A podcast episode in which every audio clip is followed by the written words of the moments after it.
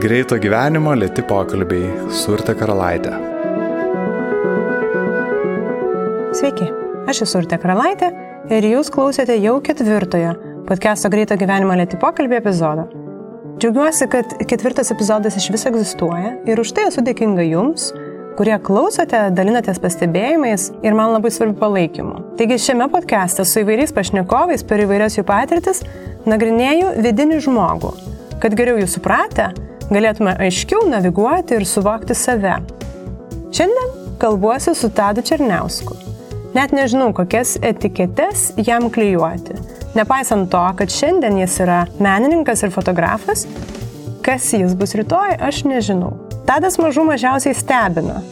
Mūsų pokalbis man taip pat buvo netikėtas ir gan keblus.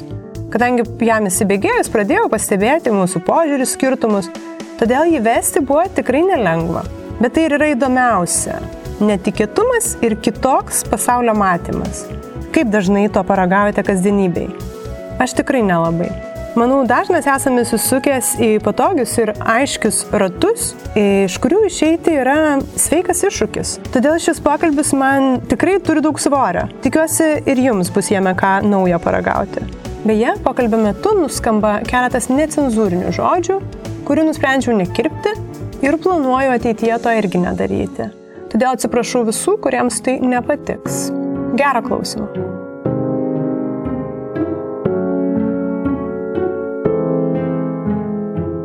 Tai labas, Tadai.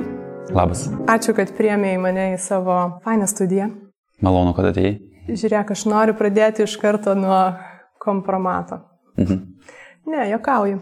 Nu, tiesiog prieš sustinkant su tavim teko prisiminti, iš kur mes pažįstame ir, ir kiek ilgai. Ir vad, ką aš prisiminiau, kad ankstyvoji savo kūrybiniai karjerai šmėsteldavo toks pasakymas tavo ir tu pataisyk mane, jeigu aš neteisingai atsimenu, kad I am God. Dabar tu deklaruoji I am nobody. Tai čia akivaizdus yra toks šuolis ir man įdomu, aš nenoriu, žinai, galbūt, kad tu paaiškintum, kas po kiekvieno iš tų slypi, bet va įdomu, e, kas čia vyksta. Čia jaučiu, kad turiu patikslinti. Tada žinau nuo e, legendinės platformos Arscene LT laikų. Nežinantiems tai buvo lietuviškas Behance atitikmuo. Ten Tado taip vadinamas taglinas buvo visi žmonės kaip žmonės, tik aš vienas kaip dievas. Apie tai čia mes ir kalbame. Tai aš manau, kad skirtumas tarp šitų dalykų netoks jau labai ir didelis iš tikrųjų. Nes nebuvo niekad, kad aš tikrai jaučiausi aukščiau už kitus, pavyzdžiui. Ir tas labiau e, visi žmonės kaip žmonės, bet aš vienas kaip Dievas, tai čia labiau buvo toks sarkazmas ir tie. Tu labiau tokį, net ne kaukę užsidėdė, aš net nepavadinčiau. Tu tiesiog, nu, ką žinau, kaip būdamas mažas vaikas pozuoji prie sportinio automobilio arba ten plakatus jų kabiniesi, nes nori būti vieną dieną lenktyninkas, bet toks nesi, tai gal tas pats ir čia panašiai. Ta prasme, niekada aš tikrai nesijaučiau aukštesnis, geresnis ar dar kažkoks tai ir niekada tai niekaip nekoreliavo su mano asmenybė, tai tiesiog buvo toks humoras. Aš esu šimtaprocentinis ir vienas geriausių intravertų pavyzdžių. Tai ta, ta, tas visas posakis buvo labiau išraiška to. O šiandien, ką aš sakau, kad aš esu niekas, tai čia jau gal labiau toks tema, į kurią aš esu įsigilinęs ir labiau toks gyvenimo kryptis yra iš tikrųjų.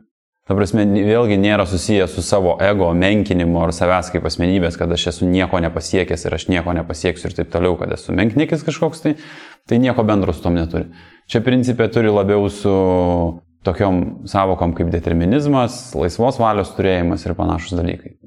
Pastaruoju aš nelabai tikiu ir iš to atsiradęs šitas yra iš tikrųjų. O ką tu pasiimi iš ankstesnių e, savo gyvenimo procesui? Tai viską pasiimu. Viską, tu prasme, nieko negali nepasimti, aš taip įsivaizduoju. Mhm, vis tiek, nu, būna, nu gerai, būna klaidos kažkokios, kurias įsivardini, važiuoji toliau. Ne, aš neturiu kažkokių gyvenime nuoskaudų, kad ten, pavyzdžiui, jos vilktųsi ir ten, tarkim, kažkaip man veiktų mano kasdienybė, ar ten kažkokių laimėjimų, ant kurių aš dabar sėdžiu, užsidėjęs karūną ir, ir iš aukšto žiūri kitus. Tai prasme, aš kartais netruputį liūdžiu dėl to, kad aš neturėjau kažkokių įspūdingesnių gyvenimo patirčių. Kaip kuriančiam žmogui, man atrodo, kad tai yra labai didelis pliusas. Aš į kitus žiūriu, pavyzdžiui, kuriančių žmonės, atlikėjus, menininkus ir panašiai. Čia yra turbūt toks stereotipas, bet jie visi kankinasi ir turi dėl ko kankintis.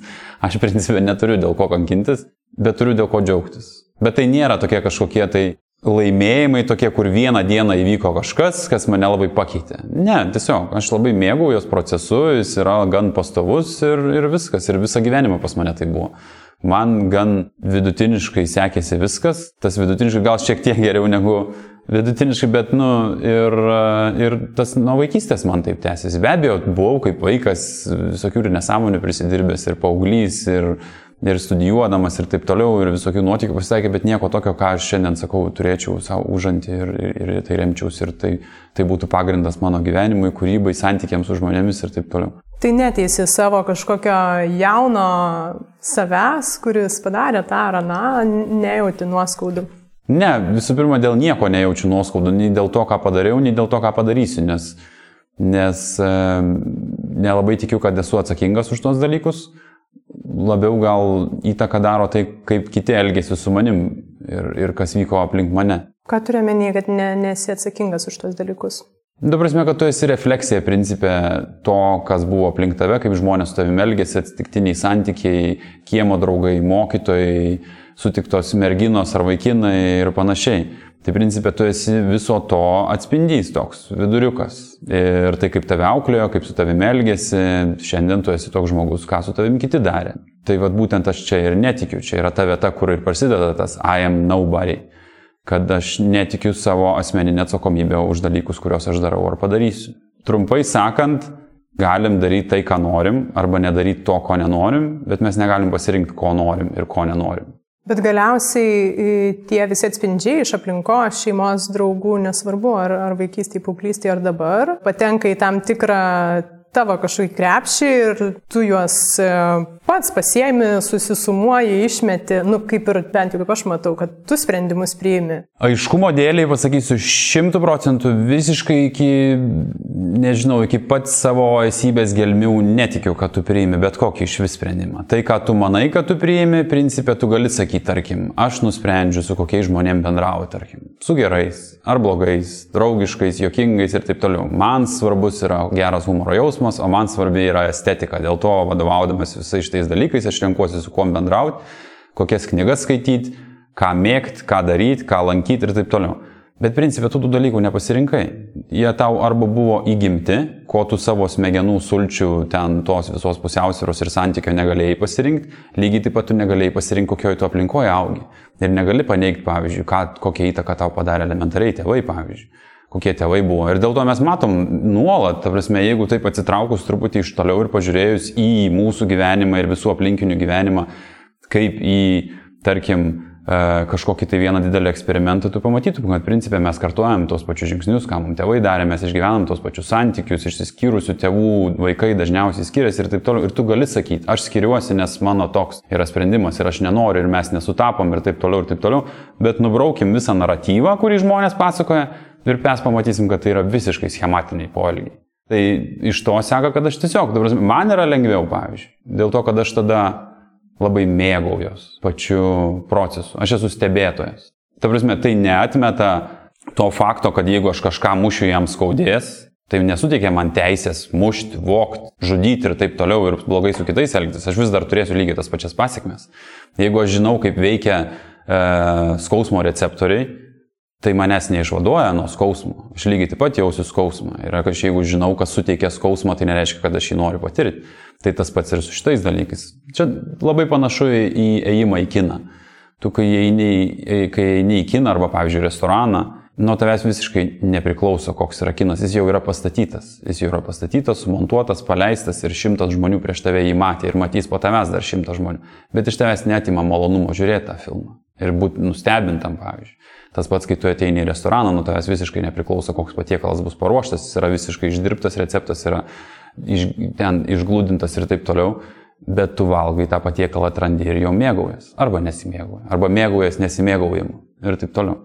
Tai tas pats, aš manau, kad yra ir gyvenime, principė. Nu, tu toks esi kaip kino teatrė. Bet kaip įdomu, iš šalies, e, žiūrint į tavo gyvenimo pasirinkimus, atrodo šiek tiek kitaip, kad kažkokius sprendimus tu pats priemi ir e, vėlgi kalbant netgi ir apie tavo karjerą, ar ne, tu nelikai va, architektūrai, tarkime, kur gyvenimas, aplinka, kažkokie tai įvykiai tave padėjo, vėliau vėlgi buvo keli kiti žingsniai. Tai Kaip čia yra? Ar, ar irgi tu matai tą patį, kad organiškai? Visiškai, jo, visiškai tą patį. Ta prasme, aš nepasirinkau, pavyzdžiui, kad ir kokios priežastys nulėmė, kad, tarkim, mano pirmoji profesija buvo architektūra ir aš ją nusprendžiau pakeisti, tai, tarkim, jų gali būti begalė, tarkim, galbūt aš esu nepakankamai atkaklus. Galbūt yra tam tikri dalykai, kurie mane dirgina ir tam tikri dalykai, kurie mane tenkina kitose srityse. Ir aš tų dalykų nepasirinkau. Ir jie yra būtent priežastis kodėl aš pasirinkau kitą profesiją arba išėjau kažko kito ieškoti.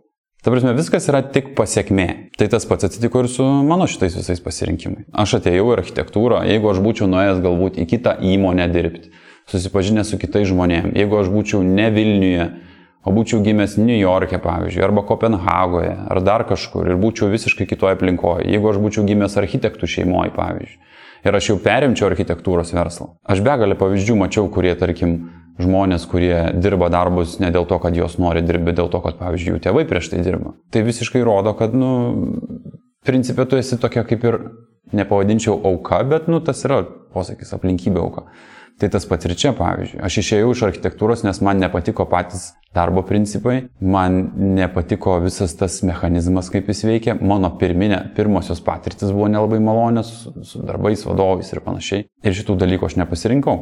O paskui jau, kadangi aš nusprendžiau ten, tarkim, nes manęs kažkas netenkino, galbūt aš buvau nepakankamai atkaklus, galbūt ten man tiem tam tikri dalykai. Aš vėlgi tų dalykų nepasirinkau, pavyzdžiui. Mano atkaklumas, mano užsispyrimas, mano imlumas tam tikriem dalykam, ten, pavyzdžiui, vizualiem ar muzikiniam, ar geras matematikas, esu skaičiais gerai elgiuosi, ar ten, tarkim, gerai sugebu rašyti.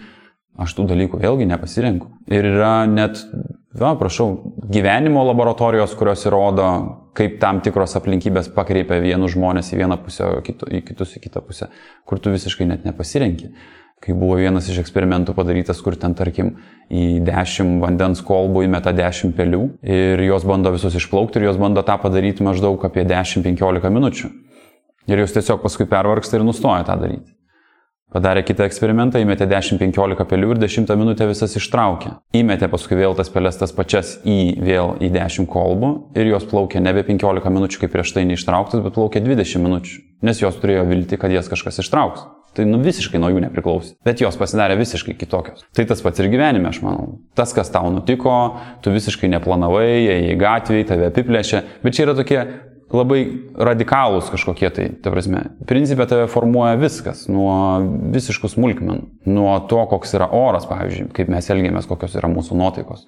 Tu gali sakyti, kad tu esi žiauri geras žmogus ir fainas ir toks ir anoks ir žiauri mėgstantis bendrauti ir visada ieškantis galimybių ir aš tau duosiu 24 valandas nieko nepavalgyti ir tu pasidarysi visiškai kitą asmenybę. Ir nuo tavęs tai galbūt visiškai nepriklauso. Tu gali sakyti, kad esi ten kažkoks tai netikintis ir taip toliau ir, ir panašiai ir aš tau duosiu tam tikrą sumaišytą kažkokį tai, nežinau, cheminių elementų junginį ir tu visiškai pasidarysi dvasinga, nes turėsi tokį tripą, kurį prisiminsi visą gyvenimą. Ir vėl nuo tavęs nepriklausys. Tu atėjai į barą, tau į gėrimą kažkas kažko įpylė, tu pasikeiti kaip žmogus, tu atėjai į tą patį barą, tau niekas nieko neįpylė, bet tau kažkas kažką pasakė, pavyzdžiui, ir privertė tave susimastyti, ir tu grįžai namo ir atsiverti į knygą ir pradėjai domėtis tą temą ir tai visiškai pakeitė tave kaip žmogų. Ar tu pasirinkai, kuris žmogus tau ką pasakys kažkuriam bare, pavyzdžiui, nuėjus? Ne, nu, tai. Bet šitie dalykai nėra lavinami, tarkim, atkaklumą tu mini. Aš manau, kad atkaklumas yra tau lavinamas, bet tavo sugebėjimas kažką lavinti yra lygiai taip pat įskiepytas arba įgimta. Tai kiek tu beisi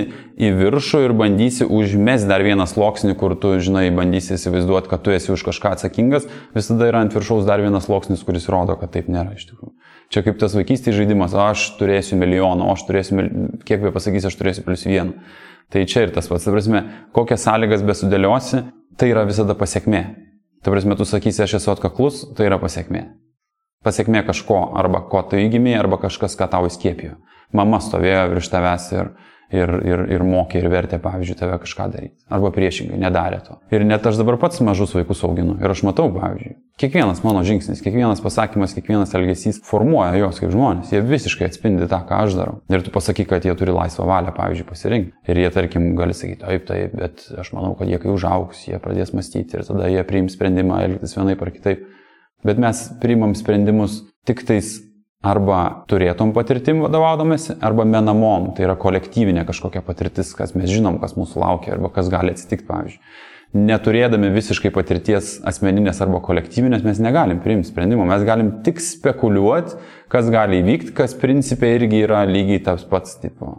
Tai tuomet gal galima tiesiog nieko neveikti ir laukti, kol atsitiks viskas. Bet čia lygiai tas pats, tai čia kaip ir su skausmu tu be abejo gali atsisėsti nevalgyti ir tu badu numirsi. Tai e, vien dėl to, kad tu žinai, kaip kas vyksta, tai nereiškia, kad tu esi dabar, nu, tipo, ne, neliečiamas ir tavęs neveikia tie dalykai. Aš žinau, pavyzdžiui, tuos principus, kaip viskas veikia, bet nuo to nesumažėja, pavyzdžiui, mano ego, kuris kažkokiu būdu per, per tam tikrus etapus gyvenime susiformavo arba buvo įskiepytas ir taip toliau. Aš kai bandau žiūrėti į gyvenime, kas yra man nutikę, tai aš tarsi ir atrandu, pavyzdžiui, priežastis. Ir kodėl, tarkim, tu kai nueini pas psichologą, psichologas ką pirmiausia daro? Domisi, kokia tavo vaikystė buvo, kokie tavo tėvai, ką tu išgyvenai ir taip toliau. Nes tai yra priežastingumas. Ir šiandieninis gyvenimas tavo yra pasiekmė. Ir visada randa priežastis. Paminėjai ego, kaip tada yra su juo?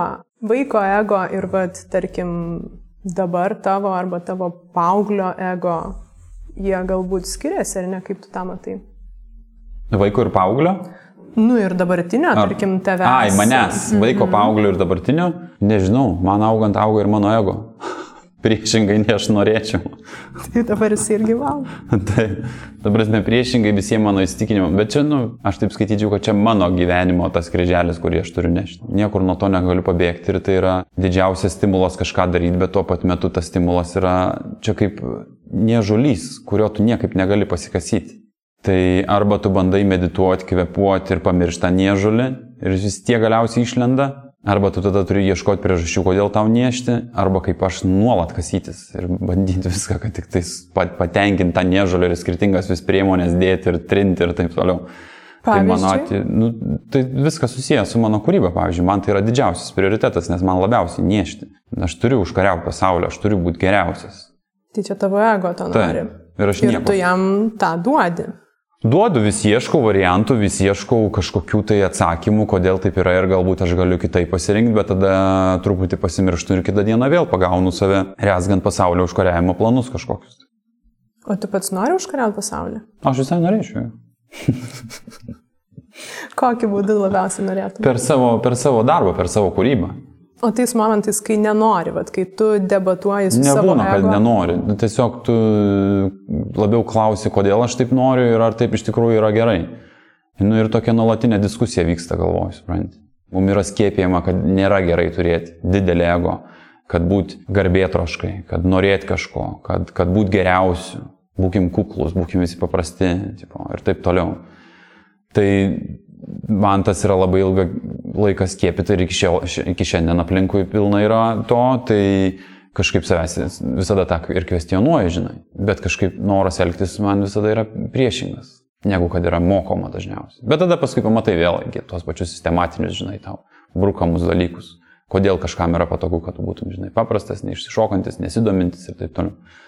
Nu, tai pastoviai tokius savo klausimus ir uždavinėjai, bet sakau, laikui bėgant, su kiekvienais metais ta taurė ego vis pildosi ir pildosi ir pildosi ir, ir baimės tuo pačiu vis didesnė ir didesnė ir didesnė. Nes, Baimė ko?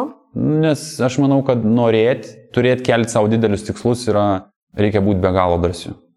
Ir aš manau, kad aš esu be galo drąsus. Tikrai manau.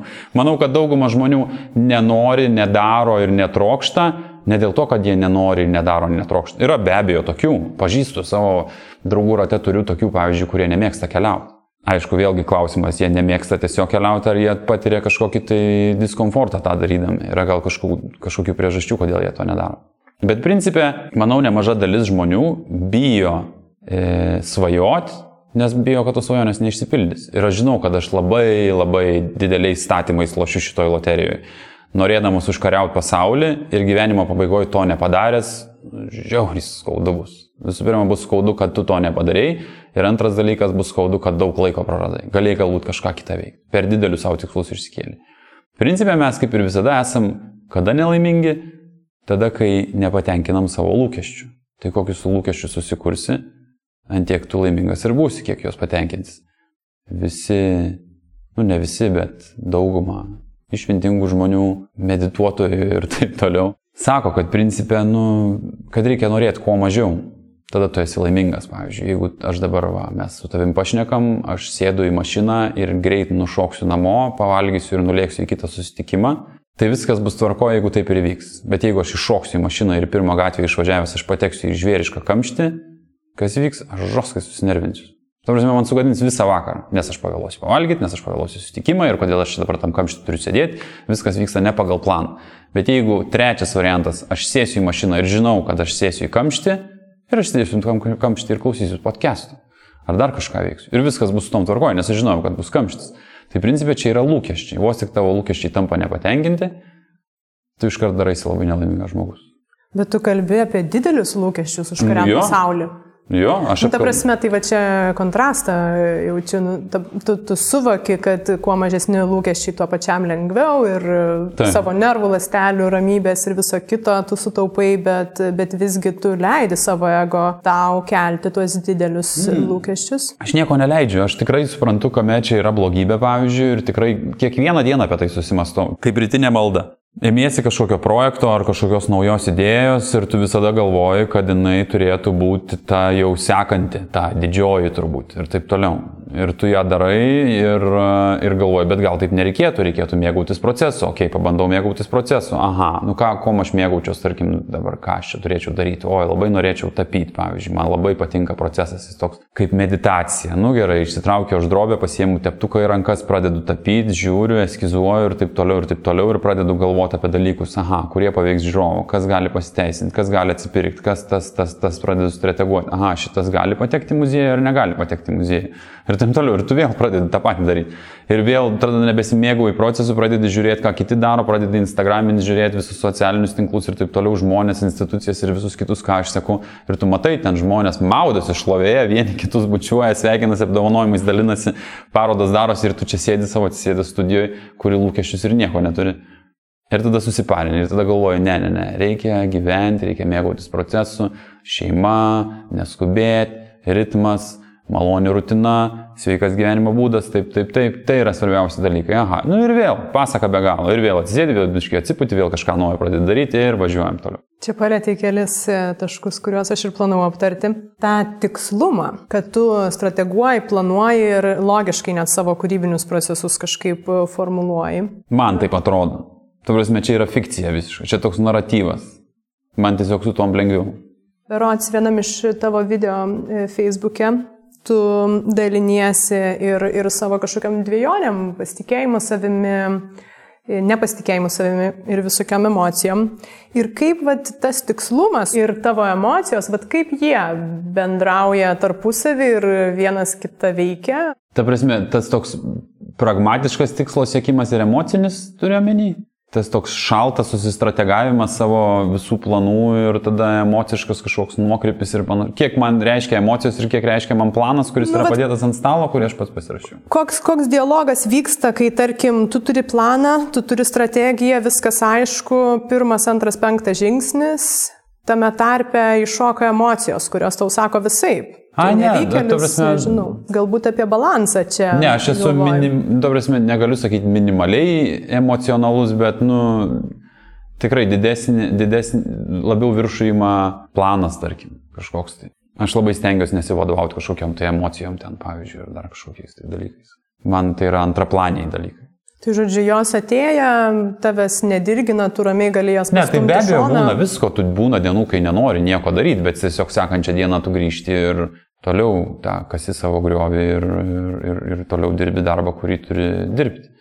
Tų emocijų pasitaiko ir būna ir geresnių, ir prastesnių nuotaikų, bet aš tikrai nesu impulsyvus tas, kuris atėjau, mes turim dabar įrašinėti podcastą ir aš sėdžiu, man staiga nenuotaika, aš tau sakau, aš nesusitiksiu arba aš tau durų netidarau skambučio, ten telefono nekeliu, ten sugalvoju vieną projektą daryti, ten darau parodą, iškabinau savo darbus, esu nepatenkintas, ko yra begalę kartų buvę, kur visiškai esu nusivylęs to, ką padariau, bet aš nepuolau, nepuolau draskyti daužyti, neišmėtau ir neišbėgu lauk ir nesielgiu galbūt vėlgi kaip atrodytų tipinis koks nors kuriejas, kurį mes esame linkę įsivaizduoti. Padarai savo darbą, esi nepatenkintas, užsispaudytas emocijas, pasi, pasi, išmoksti pamokas, pasidėlioji, pasižiūri, ko galbūt daryti, ko nedaryti, tuo pat metu šypsai, įsiduodi kažkam vizitinę, paspaudi ranką į kitą susitikimą ir, ir toliau važiuoji. Tai man kažkaip taip atrodo. Paminėjai vat, tą discipliną, rutiną. Mm. Ką jinai tau duoda asmeniškai ir kūrybiniam tavo procesam? Visų pirma, tai aš manau, kad kūrybinis procesas yra geriausias tada, kai jis yra atliekamas mechaniškai, prasme, netikiu aš mūzom, netikiu nušvitimais ir panašiais dalykais, aš tikiu lygiai taip pat kaip ir sporte raumenų auginimu, tai tas pats mano ir kūryboje yra. Dėl to ir mano visa, vis, visa ta kasdienybė yra būtent paremta tais dalykais. Ir visų pirma, aš mėgstu, jeigu man reikia protinių resursų kažką kurti, mąstyti, sugalvoti ir taip toliau. Tie resursai dienos yra labai riboti ir viskas priklauso nuo to, kam tu juos išeikvosi. Atsikeli yra žmonės ryte ir valandą sprendžia prie spintos, atsistoja, ką apsirengti, kas geriau atrodo, kas prie ko dera. Tai jau yra resursų naudojimas. Ta, ką aš sugalvosiu prie spintos stovėdamas, to aš nebegalėsiu sugalvoti turbūt sėdėdamas prie popieriaus lapo. Mes visi žinom, kaip mes jaučiamės vakare, kokie būnam pavargę ir kaip sunkiai ką sugebam daryti ten, tarkim. Tai kuo tu daugiau nu, iš, iš, išeikvosi jėgų bereikalingiam kažkokiem ir nereikšmingiam, ten, tarkim, uždaviniams spręs, tuo greičiau ateis tas vakaras pas tave ir tuo, tuo greičiau bus nebepajėgus kažką daryti. Tai mano visa kasdienybė susideda iš tų visų pašalinių procesų eliminavimo arba kaip galima labiau minimizavimo. Ir e, tuo pat metu aš esu giliai įsitikinęs ir manau, kad esu teisus, jog kūnas mėgsta pastovumą, tai aš jam tą ir bandau duoti. Tai reiškia, keltis visada tuo pat metu, keltis anksti, valgyti visada tuo pat metu, valgyti visada tą patį maistą, rengtis visada tą pačią spalvą ir tais pačiais rūbais ir tipo visada į tuo pačiu metu į sportą ir gyventi visiškai, visiškai rutinoje, tam, kad man nereiktų galvoti apie ten, tarkim, aš sėdžiu, dirbu ir ateina pirma ar ten antra valanda ir aš žinau, kad aš turiu pavalgyti ir dabar, hmm, vakar buvau čia, čia, dabar aš noriu to ar nenoriu, ten man niekaip negaliu apsispręsti. Nu ir toks, tipo, bereikalingas, žinai, savęs įkvojimas. Aš tiksliai žinau, kad aš dabar pietums šią savaitę valgysiu košę. Ir viskas. Atėjo pietų metas, įpyliau vandens, įdėjau košės, raugintas agurkas, humusas ar dar kažkas tokio ir aš suvalgau. Ir atrandu tą tokį mažiausiai atsibostantį kažkokį per ilgą laiką tipo receptą, kurį aš visada galiu vartoti. Ir tikrai buvo etapų gyvenime, kur aš pavyzdžiui tą patį patiekalą, ten tarkim, nevalgydavau visiškai ryte iki kokių dviejų, dėl to, kad labai yra gera, tu atsikeli ryte, tau nereikia savęs versti pavalgyti, tave truputį galbūt pykina, tu neturi galvoti, kas čia šiandien pusryčiam, kas mane mažiau pykintų ir taip toliau. Atsikėliai ir išėjai. Mano išėjim, nuo atsikėlimo iki išėjimo iš namų yra lygiai 15 minučių. Ir viskas. Aš jau būnu procese. Dar po 15 minučių aš būnu studijoje ir aš sėdžiu tiesiog ir dirbu. Ir dirbu iki dviejų ir paskui antrą valandą turiu pirmą, pirmą maisto davinį. Tai sakau, buvo gyvenime etapų, kai aš tą valgiau ten, tarkim, 2 ar 3 mėnesius visiškai lygiai tą patį. Patiekalą ir tada vakare tą patį, ten išgeriu kokteilį, kokį nors daržovių ir ten su špinatais ir bananais ir taip toliau. Tai gali pasirodyti labai nuobodu. Gali pasirodyti, supranti, nuobodu tam, kuriam gyvenime tikslas yra valgyti ir apsirengti kažką. Kad ir apie keliones paminėjai, mm. tu kalbi apie tą alkį ir um, patyrimus kažkokius, tai ir va čia atrodo prieštarauja, kad tu renkiesi tokį e, sustiguotą, kur viskas aišku, kur tu žinai, ką šią savaitę valgysi ir, ir jokio netikėtumo nepalieki tam vietos. Tai, Jo. tai vad kaip čia yra, iš kur tada ateina. Bet, jo, aš suprantu tavo klausimą, tai esmė yra ta, kad nėra visas gyvenimas mano toks. Aš turiu menį, kad būtų labai liūdna, jeigu aš atsikelčiau, sėdėčiau, žiūrėčiau vieną tašką. Tada pavalgyčiau ir vėl žiūrėčiau tą patį tašką. Nors gal nebūtų liūdna, nežinau. Bet principas yra tas, kad aš tik atsisukau būtent tų visų tokių man kažkokių būtinių, nereikalingų dalykų. Bet aš tuo metu visiškai, ta prasme, nuo atsisėdimo prie kompo ar prie popieriaus lapo ar prie užrašų knygutės išgyvenu visą spektrą emocijų, atradimų, nusivylimų ir taip toliau. Tai man čia yra įdomios tos sritis ir joms aš esu linkęs naudoti savo smegenų resursus, o ne tai, kas man atrodo nereikšminga ten, pavyzdžiui. Renktis, kad padaryčiau įspūdį niekam, nes būna, kad aš savaitę visą nesusitinku jokio žmogaus. Arba ten, tarkim, sakau, maitintis ir, ir, ir, ir aš mėgstu skaniai pavalgyti. Mėgstu, bet kaip yra gera, kai tu neturi galvoti, ką pavalgyti. Ir tu, kai atrandi tą dalyką, tai pasidaro taip gera. Ir tada gali sakyti, kad jo, bet valgyti kiekvieną dieną grikius yra taip nuobodu ir taip toliau. Jo, galbūt grikius man irgi būtų nuobodu valgyti, bet tada įvedi kažkokį naują elementą, dar vieną, tą pašalini, tą pridedi ir susikuri savo tokį patiekalą, kuris tave minimaliai turbūt erzina. Ir dar kitas yra triukas, kad kai tu nevalgai 16 ar ten 20 valandų, tai bet koks grikių gabalėlis bus žiauriai skanus ir tu čia žiauriai išloši. Tai aš savo labiau spektrą maisto dažniausiai dėliojos, kad būtų minimaliai skanu ir kad e, aš gaučiau visko, ko man reikia. Turime jį iš maisto. Tai vėlgi toks pats sistematinis požiūris, žinai. Dar tu prieš tai palėtėjai e, nesėkmes. Na, kad ir minėjai ir parodas ar ne, kad nusivylimų būna. Tai tu esi dabar toje situacijoje ir ką tavo protas sako susidėlioti? Nieko paverkiu į vidų ir viskas. Vidų? ir toliau eini daryti savo darbą. Nes aš manau, kad tik darydamas darbą tu gali padaryti darbą. Dabar, tu be abejo išmoksti pamokas, pralaimėjimus kažkokius priimi kaip pamokas. Prarytą karčią piliulę, bet tu toliau vis tiek turi kažką daryti. Jeigu turi tikslus, tu tiesiog darai ir viskas. Ir va dabar, pavyzdžiui, ši savaitė jau antra savaitė yra, tarkim, kur aš ne tik gyvenu rutinoje to, ką aš paminėjau, bet ir darbiniam procese. Aš kuriu naują projektą, kurio užduotis yra man kiekvieną pe, dieną peržiūrėti nu, tikrai šimtus pasaulyje esančių įvairių iliustratorių. Tai aš tiesiog ateinu į studiją, atsisėdu, atsidarau kompą ir pradedu visus iš eilės žiūrėti. Žiūriu sąrašus ir tada žiūriu, kas ką daro, atsirinkinėju, deduosi į Exceliuką. Yra visiškai mechaniškas, monotoniškas darbas. Ir taip va dabar iki tau ateinant aš spėjau tik užkasti, atsitraukiu nuo to proceso ir turbūt tu, kai išeisi, aš dar šiek tiek padarysiu ir rytoj tą darysiu. Nu, ši savaitė jau yra paskutinė, kai aš tą darau. Tai dvi savaitės, pavyzdžiui, aš tą darau. Ir tai yra visiškai mechaniškas darbas, toks tu tiesiog vartoji tai, ką daro kiti. Nieko kito pats nedarai, nieko ten nekuri ir taip toliau, bet po lygiai dviejų savaičių tokio visiškai mechaniško darbo, kaip maratono bėgimo, tu kaip kuriantis žmogus labai labai smarkiai pasikeiti. Ir aš matau, kaip aš dabar galbūt tam tikrus dalykus kitaip daryčiau. Ne ten kardinaliai aš pasidariau kitas žmogus, bet tu matai, kaip toks vat, nuolatinis vaksnojimas pirštu į tam tikras erogeninės zonas, šiuo atveju yra estetinės, pavyzdžiui, tu žiūri geriausius pasaulio iliustratorius, vieną, antrą, trečią, ketvirtą, penktą, kartoji, kartoji, kartoji, matai, pradedi matyti tendencijas, pradedi matyti, kas yra madoje, pradedi matyti, kas pasiteisina, kas nepasiteisina. Ir galiausiai po dviejų savaičių tu nuo kombo atsikeli kaip visiškai kitas žmogus. Tai tas pats ir su mano kūrybiniais procesais ir visais išgyvenimais. Aš tikrai negaliu, nesu ten kažkoks žmogus, kuris nepatiria emocijų, tikrai taip nėra. Labai emocionalus, romantiškas ir koks tik nori galiu būti, bet kas liečia darbą, aš manau, kad darbas turi būti tiesiog dirbamas ir viskas. Sukovoju su emocijom ir toliau tada keliauju. Tikrai, sakau, buvo parodų, kur tu dalyvauji ir esi tikrai nepatenkintas ir net gėda žmonėms pasakyti, kad tu čia esi kažkur kažką rodai. Ir labai pergyveni, savaitę vaikštai kaip žemė pardavęs, bet tuo pat metu galvoji, ką gali tada geriau padaryti. Lygini. Kodėl tu jauti nusivylimą ir kodėl jauti pasitenkinimą žiūrėdamas kito žmogaus darbą. Kas ten veikia, kas pas tave neveikia, kurią tu dalį praleidai. Ir tas skausmas kaip ir fizinis skausmas, kai tau kažką labai skauda, tu sprendi, kodėl tau skauda ir bandai tą žaizdą užsilopyti. Nevaikštai su pastovi kraujuojančia atvira žaizda sprendi ir žiūri, kaip visų pirma ją išsigydyti ir tada kaip nebepatekti tą pačią situaciją, kur, kur vėl kažkas panašaus atsitiks. Tai visuose procesuose, manau, darbiniuose, santykiuose ir visuose kituose yra lygiai tie patys keliai ir sprendimai. Čia yra daug samoningumo. Ar tu visą laiką nešeisi šitą samoningumo bagažą kartu, nežinau, vis tiek jisai kažkada pradėjo galbūt vystytis. Labai ačiū už komplimentą. Jeigu čia komplimentas. Nežinau, e, ne, ne, neįsivaizduoju.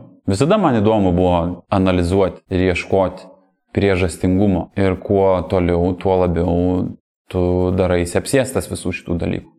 Viskas pasidaro kaip toks bandymas išgvildenti ir perprasti. Tas labai daug duoda azarto ir iš tikrųjų yra labai malonus procesas. Aš būtent taip žiūriu į kūrybą. Ta prasme, aš nemanau, kad menas yra geresnis, pavyzdžiui, už inžineriją, architektūra yra geresnė už muziką ir taip toliau. Aš manau, kad jos yra visos lygiai vienodos tokios pat, ten veikia tie patys principai ir tai, ką tu bandai padaryti, tai paveik žiūrovą. Ir būtent pataikyti tas erogeninės zonas, kurios yra jautriausios. Na nu, ir tu tiesiog ieškai. Bandymo keliu. Žiūri, ką kiti yra padarę, žiūri, kaip tai veikia, bandai tai pas save pritaikyti ir vos ne monetos metimo principų, kas atsivers, žiūri, kas suveikia, kas nesuveikia. Darai savo išvadas, sistematiškai analizuojas viską ir tada keliauji toliau. Tie, kurie pataiko, ten tarkim atsisėdo ir sako, aš darau tai, ką aš jaučiu, kad aš noriu daryti ir jiems pavyksta, Tai valio, super. Čia tas pats, kas loterijos laimėjimas. Tikrai nuoširdžiai manau, kad vienas didžiausių veiksnių, bet ką lemiančių tavo gyvenime, tai yra sėkmė. Skirtumas tik tais tas tarp žmonių, kad vieni perka labai daug loterijos bilietų, o kiti labai mažai. O bet kas, visų... kas yra sėkmė? Kas tau yra sėkmė? Tu turi meni dabar kuria prasme? Kada man pasiseka, ar ką aš skaitysiu laimėjimų kažkokį? Jo, laimėjimas, bet gal toks ir asmeninis. Na, aš žinau, kūrybinis tai gana aišku. Asmeninis, man tikrai yra gan paprasta turėti vieną ten ar du tikslus dėl to, kad aš visus kitus juos gavau. Turiu gan neblogą sveikatą, be abejo, ją stengiuosi prižiūrėti ir saugoti, tai savo visais režimais ir panašiais dalykais. Kitas dalykas yra santykiai aplinkui mane. Tai reiškia mano šeima, mano tėvai, artimieji ir panašiai. Tai šitos dalykus vėlgi sakyčiau, kad gavau ir man pasisekė, kad aš gavau arba man buvo išugdytos tam tikros savybės, kurias kiti galbūt galėtų vadinti charizmatiškom ar dar kažkokiom, geras humoro jausmas ir panašiai. Tas man padėjo susirasti nemažai draugų, galimybių ir, ir panašių dalykų. Tai kai visą tai turi, man lieka tik vienintelis turbūt tikslas - tai mano karjera.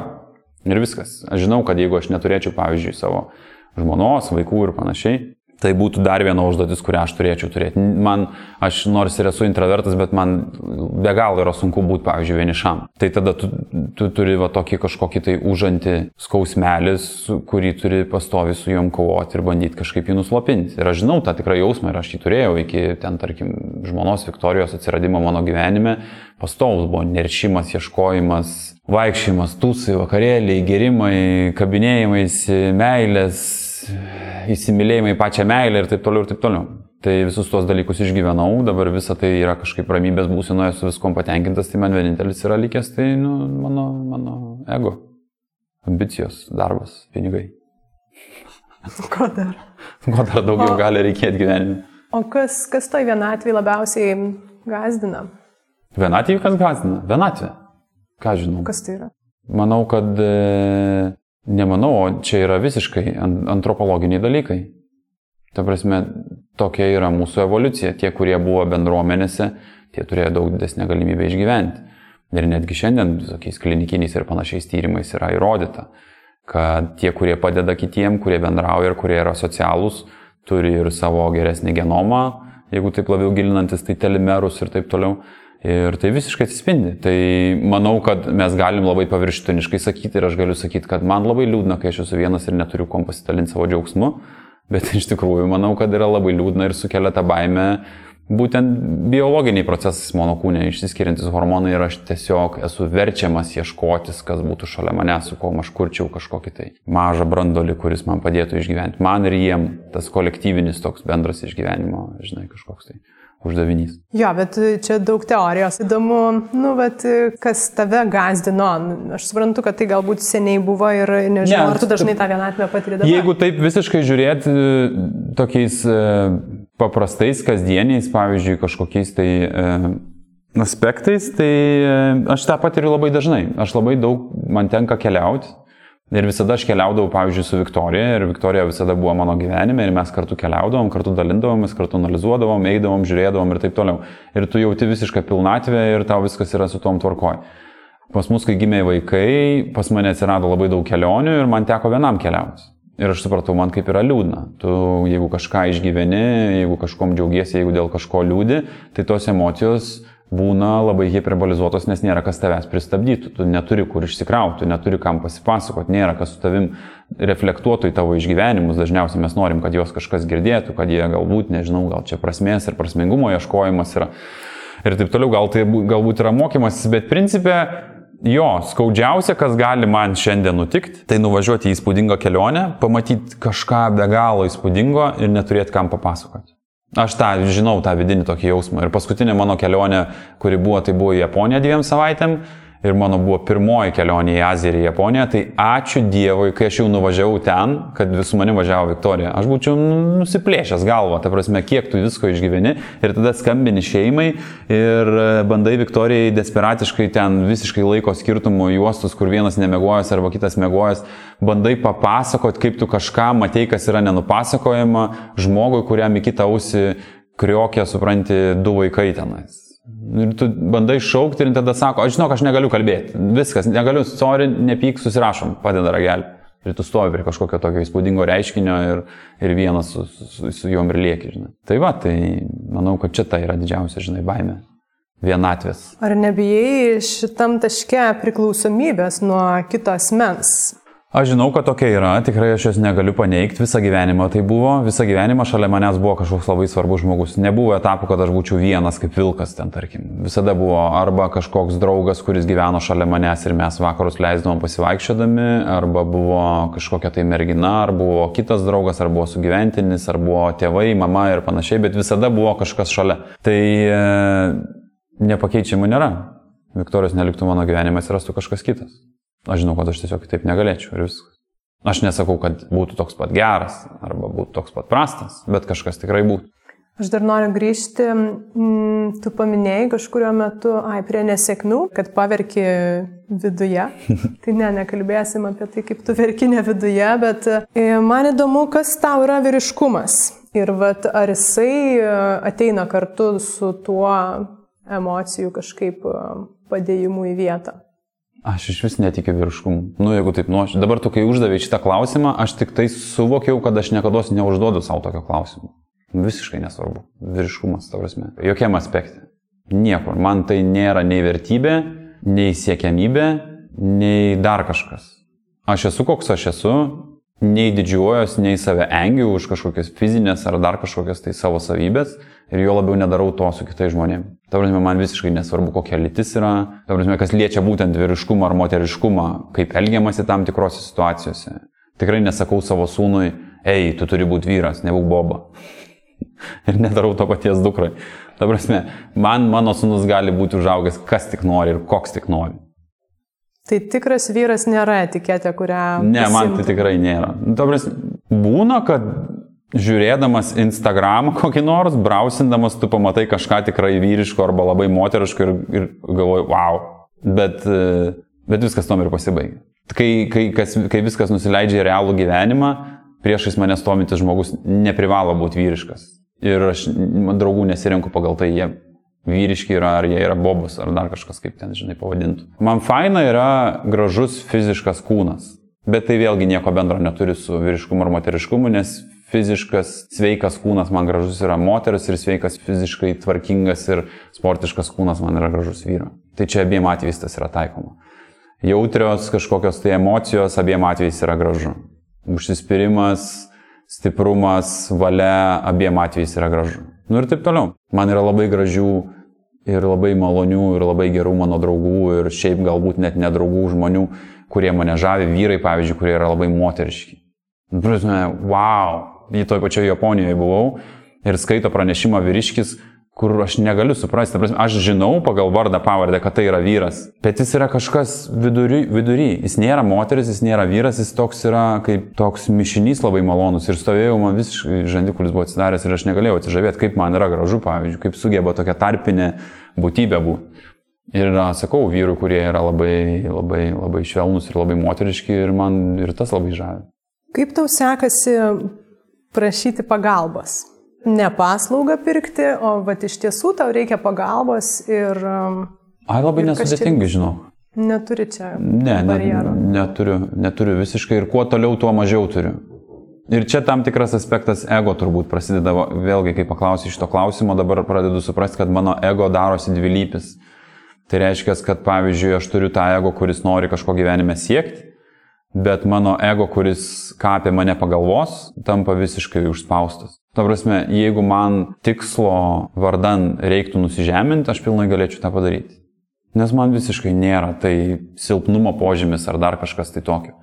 Jeigu aš matau, kad konfliktą galiu išspręsti, ten, tarkim, užspausdamas savo emocijas ir pasirodydamas galbūt netoks stiprus ir kietas ir laimėtojas šitoje situacijoje, bet aš, pavyzdžiui, pasieksiu savo tikslo, aš tikrai galiu tą padaryti. Tuo prasme, aš galiu žmogui pasakyti, jo, tu esi teisus, davai, darom taip ir taip, bet iš tikrųjų tai yra, tarkim, mano planas, pavyzdžiui. Tai aš tikrai tą galiu daryti.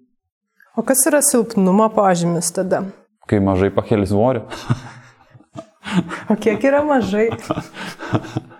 Tai tas, kas yra silpnumas, nu, tai tą, ką mes ir esam linkę įvardinti. Nu, manau, kad visi žodžiai yra tik etiketės. Jeigu mes kalbam apie valią ir kažkas yra nevalingas, tai jis yra silpnas valios aspektų. Jeigu yra užsispyrimas ir nėra užsispyręs, jis yra silpnas. Jeigu jis turi siekti tikslų, bet jų nesiekia dėl, pavyzdžiui, tam tikrų kitų savo dominuojančių savybių, kaip, pavyzdžiui, tingėjimas, prokrastinacija ir panašus dalykai. Tai čia turbūt yra silpnumas. Bet ar tai yra neigiamos savybės, aš nežinau. Ne, manau, kad ne. Vėlgi, mes jų nepasirenkam, negalim taip vertinti. Negalim bausti, negalim teisti ir panašiai. Tai aš manau, kad silpnos savybės nėra blogos savybės. Silpnos savybės yra tiesiog kitos savybės labiau išreikštos, negu mes galbūt esam linkę norėti, kad kiti jas turėtų. Aš truputį gal grįšiu, dar noriu truputį pagirinti apie tokius kardinalius pokyčius. Tai tarkim karjeroje ir tu ir, ir dabar formatus, medijas drąsiai grebi naujas ar ne.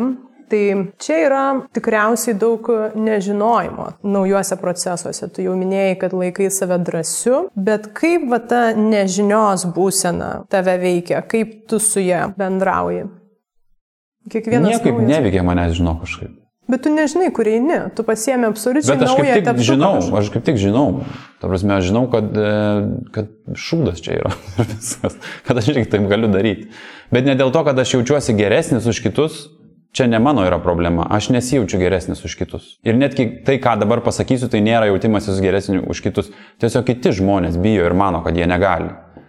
Aš tiesiog žinau, kad pavyzdžiui, jeigu aš buvau architektu ir aš netikėtai nusprendžiau, ir pats vienas ir iškiausių pavyzdžių to ir buvo, kai aš buvau architektu ir aš nusprendžiau, kad aš kažką naujo darysiu, man visi sakė, ne, ne, ne, tu esi baigęs mokslą, tau reikia dabar daryti tai, ką tu darai. Ir nejokauk ir tu čia pražūsi ir sudeksi ir taip toliau, visiškai eidamas į nežinę. Aš negirdėjau atveju, kad kas nors badu numirtų ir žinau, kad man taip neatsitiks. Neturiu vaikų, neturėjau santokos, nieko, nuomojamus būtas, nieko neturiu ką prarasti. Galiu, turiu visišką laisvę daryti, ką noriu. Be abejo, suklydau tam tikrose vietose, bet išgyvenau. Ir aš buvau teisus tuo atveju. Tada man sakė, kad aš jau kai nusprendžiau fotografuoti ir aš tada visiškai e, avantūristiškai atsidariau studiją, kurioje mes dabar sėdim prieš 7 ar 8 metus, man visi sakė, baigtų nesąmonę, tu turi bent padirbti fotografų asistentų, porą metų, kad tu suprastum, kaip vyksta visi šitie procesai. Ir tu tikrai sudegsi ir nieko čia nebus ir taip toliau ir taip toliau. Po pusės metų darbo aš jau fotkinau pirmosius žurnalus Lietuvoje, o po metų jau rašė užsienio spauda apie mano projektus. Ir ne dėl to, kad aš esu žoskai kietas, be abejo, man pasisekė, pasisekė, kad aš turėjau tam tikras savybės, turėjau tam tikrą estetinį suvokimą tiem tikslam pasiekti, kuriuos aš tada pasiekiau. Nesakau, kad aš pasiekiau viską ir nesakau, kad buvau geriausias ir neprilykstamas ar taip toliau. Sukrito kortą, viskas fainiai, viskas pavyko. Bet daug tų dalykų pavyko ir paskui, kuriuos aš keičiau, jie pavyko dėl to, kad aš nestabdžiau ir nesusikūriau savo papildomų barjerų, kad tipo, ne, ne, ne, tapyba yra tik tais ten A, B, C savybės turintiems žmonėms. Ypač šiandien, kai viskas taip lengvai yra pasiekiama. Ta prasme, tu atsisėdi yra dviejų dienų klausimas, aš nesakau, kad išmokti chirurgų tapti Bet ką mes šnekam apie pomėgius, veiklas ir panašius dalykus, tai ko tu nežinai, tu gali per porą dienų iki pagrindų sužinoti atsivertęs savo bet kokį blogą Google paiešką, YouTube filmukai, bet kokia tema yra, viskas yra pasiekiama. Tai aš čia kalbu apie sritis, kuriuose aš užsiemiau. Tai tas pats buvo su fotografija, kur man sakė, kad tu turi daug metų tipo, praktikuotis ir taip toliau. Tai techniškai viską įvaldyti man prireikė, nežinau, mėnesio ar kažkas tai tokio. Sėdi per dienas, atsisėdęs, pasiemęs fotoaparatą į rankas, šalia eina YouTube filmukai, kur pasakoja, kaip ką daryti. stebi kitų žmonių darbus, begalė yra tutorialų, begalė yra žmonių, kurie kažką padarė ir paskui parodė, kaip tą padarė, tu tą pasibandai, pasitestuoji ir visą tai gaunasi. Kur anksčiau, žinai, reikėjo fotolaboratorijos, kas yra be galo didelės investicijos, juosta, laiko sąnaudos, ten tikrai galbūt reikėjo tų mokymosi. Šiandien yra be galo daug dalykų, kurie yra supaprastinti ir lengva ranka pasiekimi, bet mes vis dar turim tuos pačius įsitikinimus, kad tai yra neįmanoma. Kai aš studijavau architektūrą, aš kai tik įstojau architektūrą, aš neįsivaizdavau, kad įmanoma suprojektuoti pastatą ir suprasti, kas vyksta ir kaip funkciškai viską sudėlioti ir taip toliau ir taip toliau. Ketvirtam kursė mes sėdėjom ir sakėm, mes nieko neišmokom. Ta prasme, mes projektuojam, bet mes nedarom nieko tokio, ką negalėtų padaryti bet kuris kitas atėjęs. Atrodė, tokios žinios yra jos visiškai paprastos, ta prasme, bazinės, tau nieko ten ypatingo nieks nieko neišdėstė. Kažkokia tai tapyba ar dar kažkokia naujas rytis atsiranda. Ir aš atsimenu, ta prasme, sėdi, žinai, kad nori tapyti aliejiniais dažais, bet neturi visiškai supratimo, kaip tai yra daroma. Nu, žinai, kad gali nusipirkti aliejinių dažų, tada nueini į parduotuvę ir pamatai devynės galybės visokių terpentinų ten lakų, sekatyvų ir taip toliau ir kokiam proporcijom kas kaip maišoma nieko nesigauna. Ir tada sakai pardavėjo, o tai kaip reikia? Nu, sako, atsidaryk YouTube ir pamatysi. Atsidarai YouTube po dviejų dienų, tu visiškai čia sėdi kaip cheminėje laboratorijoje ir viską savo maišai ir darai ir dar išrandi naujų dalykų, kuriuos tau sako, kad kažkas yra neįmanoma. Tai viskas yra šitais aspektais taip paprasta ir tuo pat metu netgi sudėtingesnėse gyvenimo situacijose yra lygiai tie patys principai. Ta prasme, Mes su Viktorija labai dažnai pašnekam, pavyzdžiui. Šiandien mums yra ten, tarkim, 35 metai man. Ir kad jeigu aš labai norėčiau dabar tapti chirurgu, 40 kelių metų aš jau būčiau chirurgas ir dar 40 metų gyvenčiau būdamas chirurgas. Dabar visiškai gyvenimą galėčiau apversti aukštinkojom. Ir tikrai tai nėra e, savybės, kurias turi tie žmonės ir kuriuo aš negalėčiau užsiugdyti ar dar kažką kito. Begalė yra žmonių, kurie žavisi, pavyzdžiui, piešiančiai žmonėm, tarkim, o šitas pažiūrėk, kaip piešia, kokį tikrovišką portretą jis padarė ten ar dar kažką kito. Aš gyvenime negalėčiau to padaryti. Man tai ne piešimas, o, fu, aš piešti nemoku. Ne, tu ne, nemoki piešti, tu tiesiog praktikos neturi. Mano sugebėjimas piešti yra ne mano sugebėjimas piešti, bet tiesiog noras tai daryti ir daug, daug valandų to darimo. Viskas. Jeigu tu lygiai turėtum tą patį norą, išmokti piešti ir daug valandų tam skirtum, lygiai taip pat pieštum. Paimčiau didžiausią nemokšą, nors ir 30, 40 ar 50 metų, jeigu atraščiau formulę, kaip jį priversti po 10 valandų su visišku užsidegimu piešti ir laisvu laiku žiūrėti, kaip kiti piešia ir analizuoti ir lyginti, po metų jis kurtų tokius fotorealistinius paveikslus, kas nemanau, kad yra vertybė, dėl to aš labai ir nevertinu tų visų dalykų. Tai, bet, nu, principė tai yra amatas, kurį tu atkali. Tas pats ir su kūryba paskui, kas jau liečia idėjas, fantaziją ir taip toliau. Manau, kad fantazija lygiai taip pat kaip ranka atmušta yra piešiant, taip fantazija gali būti atmušta gilinantis, žiūrint, analizuojant. Ir, ir bandant susirpti tą tokią kolektyvinę patirtį ir ją išreflektuoti per savo asmeninės patirtis ir taip toliau. Čia paminė užsidėgymą. Mhm. Tai, nu, tu jį turi arba neturi. Čia vėlgi, kaip ir sakau, mes darom tai, ką norim, bet mes nepasirinkam, ko norėti. Čia kai sako, kad, pavyzdžiui, šitas vaikas yra, ar ten žmogus yra talentingas tam tikroje srityje, tai aš manau, kad jis nėra talentingas. Talentas kaip kažkokia mistika, aš manau, kad jis tiesiog turi potraukį tam dalykui ir tiesiog jis nebeskaičiuoja valandų, kiek jis, kiek jis tam tikrus dalykus ten kultivuoja ir viskas. O tavo užsidegimas, jisai kaip liniuotė nubrėžtas, taip ir eina, va iš kas galbūt kursto jį ar kaip tu jį puoselėjai? Ego. realiai, Begalinis realiai ego. Visi atsakymai Taip, šiandien. Nu, bet taip ir yra. Ta prasme, ego. Visiškai ego. Aš esu introvertas dėl to, kad mano ego yra didelis. Dėl to, kad aš nemėgstu failinti man bet kokia interakcija su žmogum gatvėje, priekybos centre ar dar kažkas tai tokio, jau verčia mane jaustis nepatogiai ir vengtų situacijų dėl to, kad aš bijau sufeilinti. Priešais kitą žmogų tu kalbi apie visiškai drąsius žingsnius, griebent naują techniką, tapyti, tu nieko ten nesupranti ir tavo ego ten nebijo apsikvailinti. Kuo va, šitie scenarijai skiriasi? Tai turbūt, kad e, niekom nesiskiria. Bet tau ten nebaisu būna. Nu ir tavo ego nebūna baisu. Jo, gal tą baimę užgožia kažkaip azartas toks.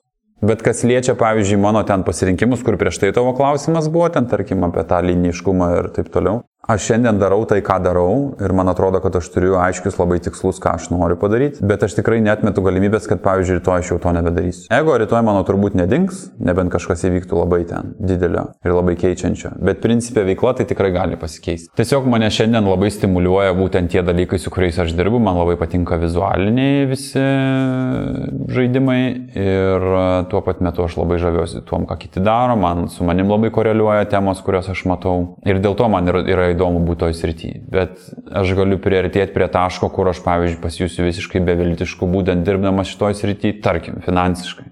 Nu, pamatysiu, beprasmiška, be šansų. Ta prasme, jeigu mes visi žaidžiam loteriją, tai aš tikrai nuoširdžiai žinau, kad meno pasaulyje loterijos laimėjimo galimybės yra labai labai mažos. Kas liečia, pavyzdžiui, ten finansinį kažkokią tai sėkmę ir, ir panašiai. Ir kol jeigu aš galiausiai mušiu galvą į sieną, mušiu, mušiu, mušiu ir tada pradėsiu matyti, kad e, dėl to kenčia mano šeima, mano gerovė ir panašus dalykai, aš pats pradėsiu jaustis psichologiškai negerai, gali įvykti taip, kad aš paimsiu ir pakeisiu sritį. Aš jau dabar taip po truputį darau. Nes prie visų ego karjeros sėkimų, ego dar kalba ir apie, apie finansinius dalykus ir panašiai. Tai ten irgi kažkokiu turiu tikslų. Tai jie turi kažkaip labai gražiai susižaisti. Jeigu man būtų pasirinkimas, va tas, kur būna, e, gali išsirinkti vieną iš dviejų. Jeigu vieną gausi, kito negausi ir aš savo užduodu tą klausimą, nes noriu žinoti iš tikrųjų, kaip jaučiuosi. Pavyzdžiui, turiu du pasirinkimus. Arba tampu labai turtingas, arba tampu žinomas, bet vargšas. Manau, kad žinok, rinkčiaus turtingų būti negu kad vargšų. Nes, nu, ne, kažkaip ne, negalėčiau. Ta prasme, aš žinau save ir žinau šiaip bendrai, kaip mes funkcionuojam, tai aš žinau, kad pinigai laimės net neša, čia faktas. Aš nenoriu ten tų žvėriškų pinigų ir žinau, kad jie labai greitai atsibostų, bet finansinė nepriklausomybė, saugumo garantas, stabilumas ir panašus dalykai, jie duoda labai daug komforto gyvenime. Ir jeigu mes jau gyvenam tokį gyvenimą, kur mes kaip kinė stebim tiesiog, kas vyksta, tai daug yra fainiau stebėti per gerą ekraną, sėdėti ant geros kėdės ir valgyti skanų popkorną, žiūrint tą kiną. Tai aš manau, kad su tuom koreliuoja, pavyzdžiui, tavo tam tikri ten, tarkim, finansiniai pajėgumai. O kas liečia, pavyzdžiui, kūrybą, tai aš manau, kad aš be galo to mėgaujos, tai darau, aš turiu ambicijų ir aš žaidžiu tą žaidimą ir aš noriu konkuruoti, sveikai konkuruoti ir daryti ir noriu įrodyti, kad aš galiu. Bet aš manau, kad aš galėčiau pakeisti ir kitas rytį perėti ir lygiai taip pat mėgautis ir daryti ir vėl konkuruoti ir taip toliau. Konkrečiai galbūt galėtume vardinti, ką tau pinigai duoda. Nu taip, tu mini ekranus, ar yra dar kas nors be ekranų? Banaliai skamba, tai tau suteikia laisvę daryti tai, ką tu nori daryti. Man čia yra didžiausia vertybė. Laisvė ir bent kažkoks minimalus saugumo garantas. Pavyzdžiui, elementarus dalykas. Aš turėčiau, tarkim, galbūt svarstyčiau labai rimtai apie trečio vaiko turėjimą, jeigu turėčiau daugiau pinigų. Įsivaizduoju, koks absurdas, pavyzdžiui. Pinigai tau nulėmė, tu turėsi dar vieną vaiką ar neturėsi. Nes aš galėčiau principę turėti dar vieną vaiką, bet aš turėčiau labai tada daug dėl to paukoti. Savo laiko, savo karjeros, tada reiškia dar mažiau uždirbti turbūt, išsikraustyti į Rudaminą, ten pasistatyti iš molio drėptą namą ir jame pats skalbti savo palas ir taip gyventi vien dėl to trečio vaiko. Tai aš tikrai taip nenoriu. Tai va čia yra ta laisvė. Ir lygiai ta pati laisvė su kūryba, pavyzdžiui. Aš esu visiškas produktivumo šalininkas. Jeigu aš turėčiau pakankamai pinigų, aš manau, kad kūrybiniai procesai, pasiekimai ir visa kita eksponentinė kreivė pradeda kilti viršų. Dėl to, kad tavęs neberiboja medžiagos, kurias tu naudoji, e, resursai, kontaktai, aš manau, kad jie be galo didelį įtaką turi tai, kur tu esi, pavyzdžiui. Ar tu esi Vilniuje turi didelę studiją, ar tu ją turi New York'e, Berlyne arba Londone, pavyzdžiui. Jeigu aš turėčiau visiškai neribojamus finansus, aš atsidaryčiau savo studiją New York'e, turėčiau ten pagalbinės komandas, žiauriai taupyčiau laiką dirbdamas, per metus padaryčiau dešimt kartų daugiau, kas aš manau kūryboje ir bet kokioje srityje produktivumas yra vienas iš lemiančių faktorių ir manau, kad rezultatai visiškai būtų kiti. Ir tuo pat metu mano galva nebūtų užimta antrailiais dalykais tokiais kaip, hm, aš kitą mėnesį turėsiu iš ko susimokėti nuomą, pavalgyti ir panašiai, gerai, gal kitą mėnesį turėsiu, bet antrą ar trečią ar turėsiu. Ir gal tada man reikia kažką daryti tokio, kas labiau komerciškai yra vertingo, negu kad ten, tarkim, man pačiam labai įdomu. Kas, manau, riboja tavo kūrybiškumą, žinai, kas liečia, pavyzdžiui, būtent šitas rytį. Tai va, tai čia yra finansų tas didelis privalumas. Ne kad pasidergti, su pinigais ten, be, pamėtyti ant žmonių, ten, palaistyti šampaną ir paskraidyti private jetu ar ten dar kažkom to. Tai ne, sakau, man grinai yra kūrybinė laisvė ir saugumo jausmas. Galim mes neigti, galim sakyti, ką norim, kad mokslas yra nemokamas, kad e, medicina yra nemokama, privaloma visiems ir taip toliau ir taip toliau. Šūdas čia visas tas dalykas yra. Čia mitas. Ta prasme, kastos egzistuoja šitam mūsų visam kapitalistiniam pasaulyje lygiai taip pat, kaip jos egzistuoja ir už ką mes ten keikiam kažkokią tai Indiją ar dar kažką tai tokio. Pas mums lygiai visiškai tas pats. Mes tik užsimerkę, susikūrė savo kvailą naratyvą, kad, o jeigu aš dirbsiu ir būsiu darbšti pelė ir aš čia gyvenime pasieksiu, svarbiausia yra tikėti savim, nenuleisti rankų ir taip toliau, taip toliau. Šūdas, nihoja. Ta prasme, tas, kuris gimė turtingoje šeimoje, pas tėvus, kurie jau yra įleidę šaknis, turi begalę daug pažinčių, finansų ir taip toliau, tu jau esi ten sėkmingas gimęs.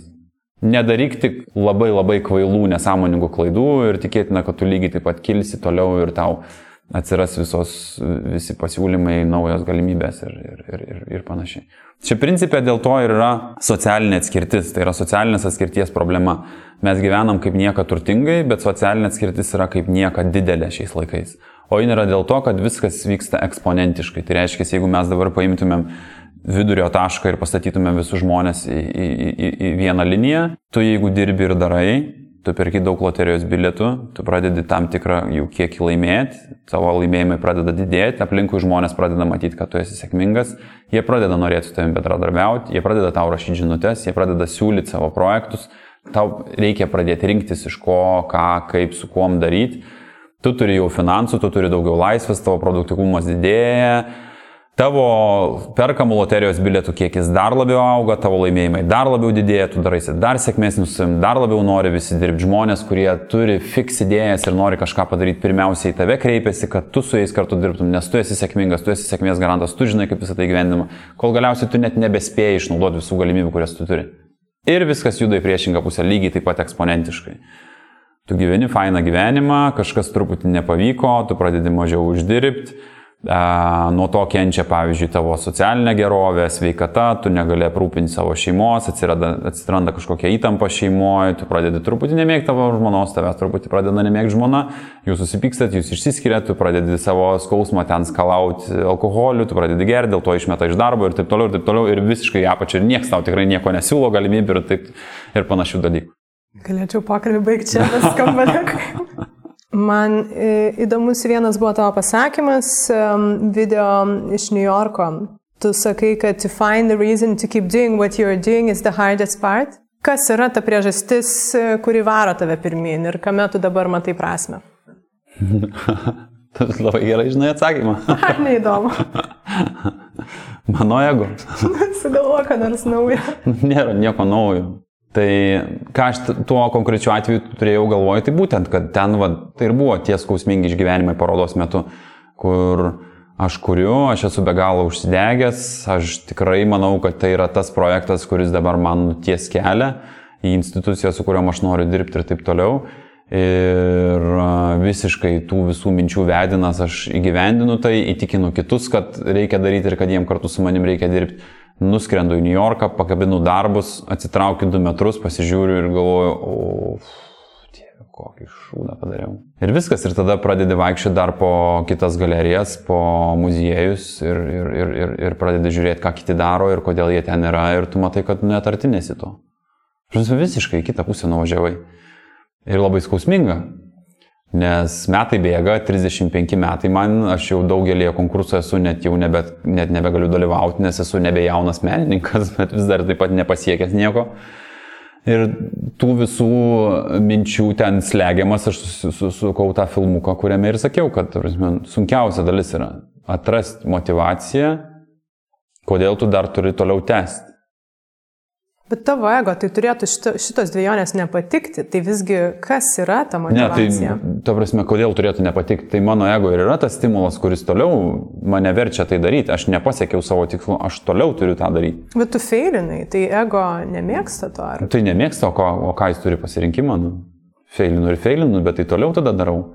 Ir viskas, tai bet čia vėlgi toks, žinai, nevadinčiau to prieštaravimu savo, čia toks laviravimas tarp dviejų būdų kalbėti, žinai, ir bendrauti, tai reiškia, kad aš neprieštarauju savo, kad tu turi atrasti savyje jėgų. Tai vis dar nereiškia, kad tu turi pasirinkimo laisvę ir kad tu esi vis dar atsakingas, kad jeigu aš nusprendžiau surasti, jeigu aš jų į savyje rasiu, o jeigu nusprendžiau nerasti, aš jų nerasiu. Ne, manau, kad tai tokie autonominiai procesai, tiesiog čia taip literatūriniai tokie išsireiškimai, žinai, yra. Tas jėgų atradimas ir panašiai. Jeigu aš būčiau vos vos, nepasakyčiau, kad silpnesnis, bet e, turėčiau truputį kitas savybės, gal tokiuose situacijose po penkto nepavykusio karto nuleisčiau rankas. Gal po šešto ir nuleisiu, nežinau, ne nuo manęs priklauso. Bet kol, kol darau, tol darau. Dar kol kas vilties yra, kad dar galiu kažką dar, dar turiu laiko ir dar turiu galimybę pasiekti, žinai. Tai gerai, aš e, tuo tada ir pabaigsiu mūsų ego pasitaškymą. Nu, malonu. Tai ačiū tau, Tandai. Ačiū, kad klausėte. Nepamirškite sekti podcast'o Instagram ir Facebook paskyrose, taip nepraleisite naujų epizodų ir pamatysite įrašų užkulisių. Kitų epizodų klausykite Spotify, iTunes, Stitcher, podcastų klausimosi programėlėse bei karalaitė.com pasvirasis brūkšnys podcastas. Sėkmingų jums dialogų su savo ego ir iki kitų kartų.